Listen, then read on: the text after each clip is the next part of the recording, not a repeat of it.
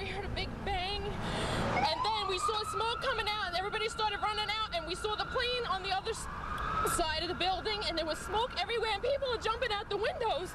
Over there, they're jumping out the windows, I guess because they're trying to save themselves. I don't know.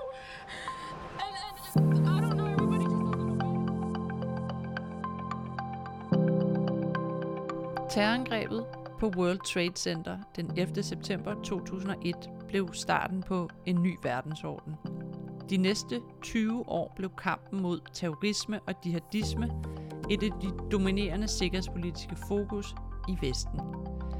Krige i Afghanistan og Irak hævnede angrebet og skulle bagefter udbrede demokrati og frihedsrettigheder til de undertrykte befolkninger, og på den måde også sikre Vesten mod mere terrorisme.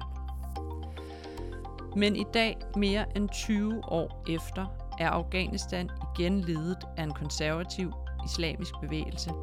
Den islamistiske bevægelse Islamisk Stat har stærk fodfæste i både Irak og Syrien, og i den afrikanske Sahel-region breder forskellige jihadistiske bevægelser på tværs af grænserne, for eksempel mellem Mali og Burkina Faso og ind i Uganda.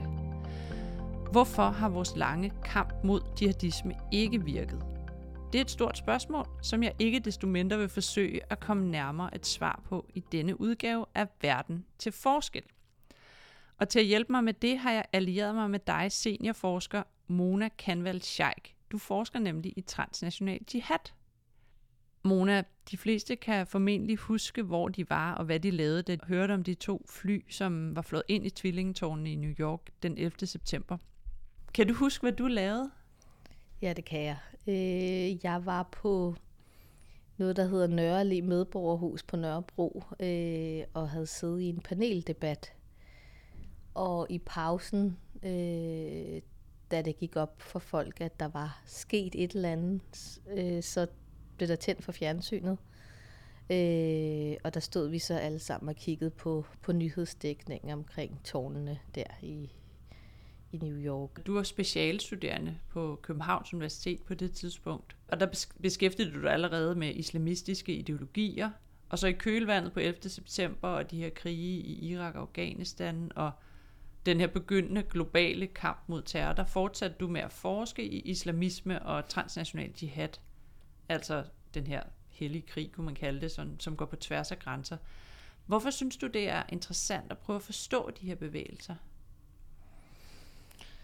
Øh, jeg synes, der er forskellige øh, aspekter af det, der er rigtig interessant. For det første, at øh, det jo er tydeligt ideologiske bevægelser. Øh, og et af de spørgsmål, jeg både dengang som nu var interesseret i, var at forstå, hvad er det egentlig for en rolle ideologi eller religion spiller, når det er, at vi skal forstå, øh, hvorfor folk tilslutter sig de her bevægelser. Altså, hvad er det, der driver folk øh, i armene på sådan nogle typer bevægelser? Er det nogle andre typer øh, motivationer, end hvis man tilsluttede sig en, en øh, anden type organisation, der, havde, øh, ligesom, der ikke havde så tydelige religiøse eller ideologiske øh, dimensioner? Øh, så det, det var den ene øh, ting, jeg synes var meget interessant. Og det andet er, at øh, jeg ofte, altså hvis man følger den offentlige debat og nyhedsstrømmen, så synes jeg, der både dengang som nu er en tendens til, at man ofte portrætterer sin fjende, øh, som om, at de, de eller den ikke har nogen legitim bevæggrund eller motivation. Øh, den mest ekstreme pol er jo at sige, at de er bare onde, øh, eller de er drevet af nogle af følelser, eller irrationalitet, eller deres adfærd kan ikke forklares osv. Men jeg er sikker på, at hvis man gjorde sig ulejligheden at prøve at forstå, hvad det er for et univers, de her mennesker agerer ud fra, og hvad det er for nogle forestillinger, der ligger bag deres øh, ageren eller deres øh, slutning om, at nu er vold den eneste udvej, så vil vi måske få et, et større indblik i, i den øh, øh, konfliktdynamik, der er mellem den måde, vi handler på, og den måde, de handler på. Fordi ofte tror vi jo, at ligesom, når vi, man, man kunne jo se det der med, hvad hedder det, øh, perioden efter 9-11, hvor øh, krigen mod terror blev i talesat som et forsvar for friheden. Øh, hvis man læser sig ind i for eksempel Osama bin Ladens ideologiske værker, så øh, var noget af hans ligesom, retoriske legitimering af hans øh, ligesom opfordring til, til, til terror i Vesten, jo begrundet i, at øh, han anså Vesten som øh, en hvad hedder det, en, en størrelse, der førte angrebskrig, systematisk angrebskrig mod islam. For eksempel via ligesom, de amerikanske baseudvidelser i Mellemøsten i 90'erne osv. Øh, så hvis man... Hvis så den man, der idé om, at, at, at vi forsvarer friheden, der havde, havde, har han måske i virkeligheden det omvendte syn altså, der, på det? Der altså. er i hvert fald, altså, øh, ja, han har, et, øh, har haft et andet syn på det øh, tydeligvis, men også at øh, pointen her er, at, at ofte har folk, der involverer sig i krig, øh, jo en eller anden øh, begrundelse for det øh, og forklaring. Og hvis vi minimerer deres motivation til enten at være ondskab eller til at være følelser, de ikke kan styre, øh, jamen så legitimerer vi også øh, en handling fra vores egen side af, øh, som ikke anerkender øh, nogle af de motivationer, folk kunne være drevet af. Ja, som jeg sagde her i, i indledning til den her podcast, så vil vi gerne prøve at komme nærmere et svar på, hvordan mere end 20 års kamp imod jihadisme ser ud til at have virket modsat af, hvad vi egentlig ønskede. Altså i dag er islamistiske bevægelser og transnational jihad langt mere udbredt end tilbage i 2001, hvor det hele ligesom startede. Og for at forstå det, der er vi også nødt til at prøve at forstå de mennesker, som er en del af de her bevægelser. Hvordan ser jihadisterne på os? De opfatter, øh, altså hvis vi tager udgangspunkt i for eksempel noget af det, som Osama bin Laden har skrevet, eller nogle andre af øh, hvad hedder det, øh, jihadismens chefideologer har skrevet om Vesten, øh, så opfatter de jo Vesten som aggressiv, som offensiv, øh, som øh, nogen, der har en imperialistisk dagsorden, øh, og gerne vil dominere øh, Mellemøsten, den muslimske verden, øh, Øh, og er drevet af magtinteresser øh, eller kampen for ressourcer. Altså øh, sådan noget som øh, altså øh, Mellemøstens oliereserver, Afghanistans øh, naturressourcer osv., er også noget, som bliver fremhævet som noget, som Vesten er ude efter. Så deres opfattelse er, at islam er, eller at Vesten øh, fører den her ekspansionistiske krig, øh, enten fordi de er drevet af magtbegær, øh, eller fordi at de systematisk gerne vil angribe øh, den centrale idé i islam, øh, som handler om, at Gud er suveræn, og at der kun er én Gud. Det vil mm. sige, at de har forestillingen om, at øh, man er på et systematisk øh, korstog for sekularismen, øh, øh, og derfor er, er drevet af en eller anden anti, anti-islam øh, tankegang vi ser dem som en trussel mod os, men i virkeligheden er det måske lidt det samme fra det andet synsvinkel. Altså at de ser os som en trussel mod det, de godt vil have. Der er ingen samfund, tvivl om, at for, altså, hvis, man, hvis man læser den, den fortælling, som jihadister abonnerer på, så handler det om, øh, delvis vil jeg så sige, at Vesten øh, udgør en eksistentiel trussel mod islam. Men så på en eller anden måde, altså har vores frygt for at miste det samfund, vi er tilfredse med, gødet deres frygt for at miste samfund, de ja. godt vil have ja. Ja. i virkeligheden. Og ja. det har så ført til krige og interventioner for at bekæmpe de kat, jihad fra vores side, ja. og omvendt terrorangreb fra deres side for at bekæmpe det, som de opfatter som angreb på, ja. på ja. deres samfund. Ja. Man kan jo kalde det lidt et, et sikkerhedsdilemma, vi står i, ikke? Når, når det handler om jihadismen. Et sikkerhedsdilemma er jo ofte den, altså i hvert fald i litteraturen er det beskrevet som den situation, hvor ligesom stater øh, reagerer på hinanden ud fra øh, ligesom frygten for, hvad den anden part vil gøre næste gang. Ikke? Og her har vi også en situation, øh, vil jeg mene, hvor øh, vi handler i forsvar for frihed, øh, og i frygt for at miste frihed, og de handler i forsvar for øh, ligesom religion, og i forsvar eller i frygten for at miste deres øh, autonomi og selvbestemmelse. Du har fortalt mig tidligere, at noget af det, vi har set under den her globale krig mod terror og islamisme, at det mm. minder om, om det, vi så under den kolde krig. Ja. Hvordan det?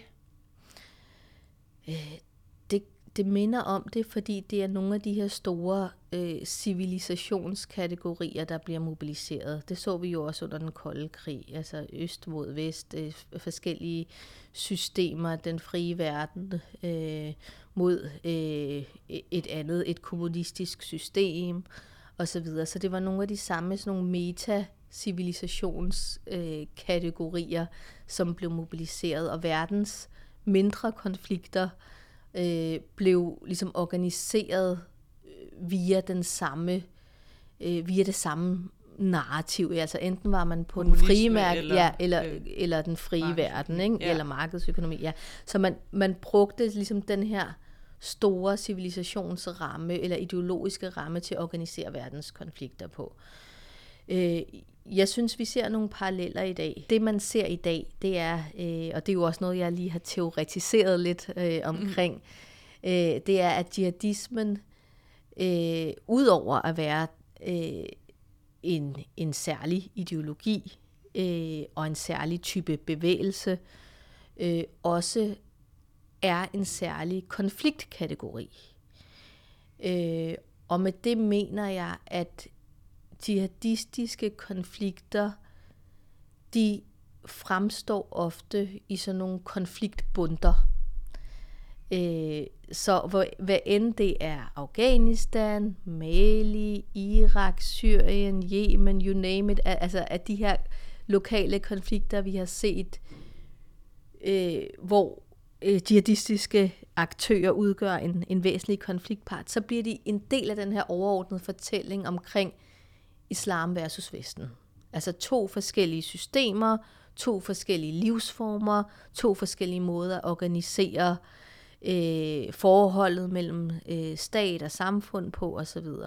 Mm. Så det, det, det er hele, ligesom, det er den optik, jeg ønsker, at vi i højere grad skal prøve at også tænke konfliktløsning igennem. Fordi hvis det er, at vi har at gøre med konfliktbunder, som jeg kalder det, altså en, en, en perlerække af konflikter, der bliver knyttet sammen via en metafortælling, jamen så bliver konflikterne også vanskeligere at håndtere og løse.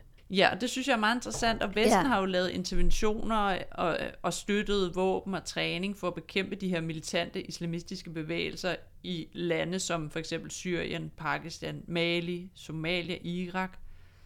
Jeg mener også Niger og Nigeria har der vist også været nogle interventioner. Mm. Og så ofte, som du siger, så har de her bevægelser ligesom været part i en eksisterende konflikt, ja. hvor at vi så er gået ind og har støttet de parter, som kæmpede imod de her islamistiske bevægelser, fordi at det blev gjort til en, en del af den globale krig mod terror. Ja. Men hvad sker der, når sådan en lokal konflikt bliver til, til den her lidt større konfliktbund, eller en del af sådan en global krig?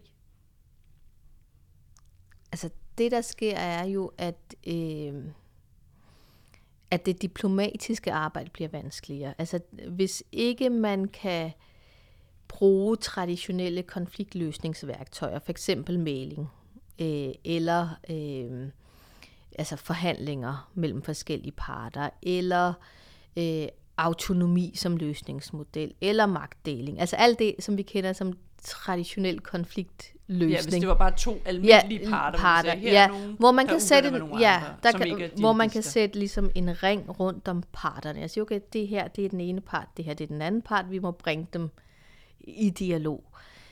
Det bliver bare vanskeligt i sådan nogle her situationer, hvor øh, der lige pludselig er rigtig mange aktører på mange forskellige niveauer, der involverer sig i konflikten. Fordi i sidste ende handler det jo, jo om, at de her konflikter ofte er mere kompliceret at løse, end hvis det bare var en lokal konflikt, der handlede om, øh, ligesom, øh, hvem har øh, ligesom adgang til den her brønd. Ikke? Altså, Ja, kan vi lave en eller anden... Ja, øh, altså, kan vi lave en eller anden ressourcefordeling, eller kan vi sørge for, at... Øh, infrastrukturen virker bedre i det her område osv. Altså den type lokale konflikter er jo nemmere at løse end konflikter, hvor du lige pludselig har rigtig mange øh, aktører, der har mange forskellige takes på, hvad konflikten egentlig handler om.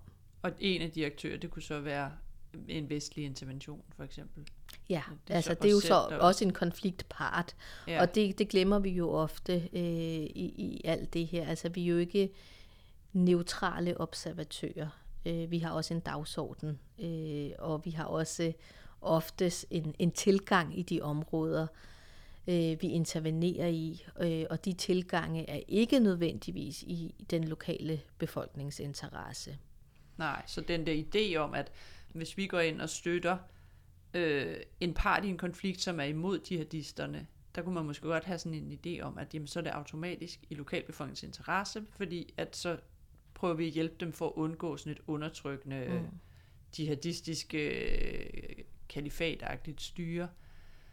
Øh, det kan man faktisk ikke være sikker på. jeg skrev øh, phd afhandling om det pakistanske Taliban, øh, og deres øh, ligesom oprindelseshistorie der i starten af det 21. århundrede, ikke? altså lige efter 2001. Der var ikke noget pakistansk Taliban før 2001.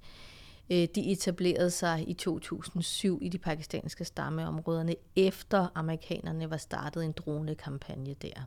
Så det var altså ikke grænseområdet mellem Afghanistan, mellem Afghanistan og Pakistan. Pakistan. Ja. Og jeg tog så ned for at interviewe nogle af de her talibanere og folk, der havde tilsluttet sig bevægelsen. Den pakistanske stat har altid overset stammeområderne lidt, lidt som et, et, et territorie, og lidt undladt at, øh, at øh, ligesom servicere den del af befolkningen via ligesom retssystemet eller via offentlige ydelser osv. Så, videre. så det har altid været sådan lidt et, et øh, underfinansieret øh, område, og et område, som ikke rigtig heller er blevet inddraget i den politiske beslutningsproces osv. Så, videre. så folk der har altid følt sig politisk marginaliseret.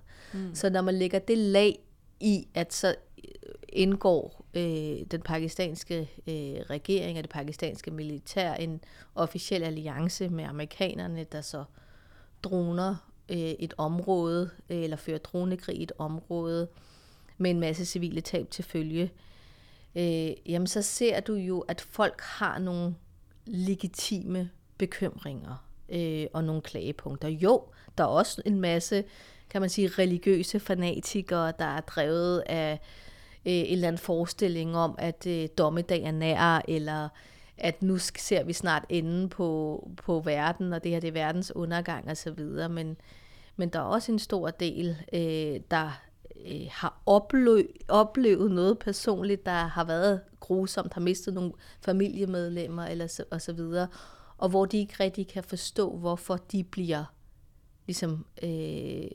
systematisk angrebet af nogen, som de opfatter som, som fremmede magter.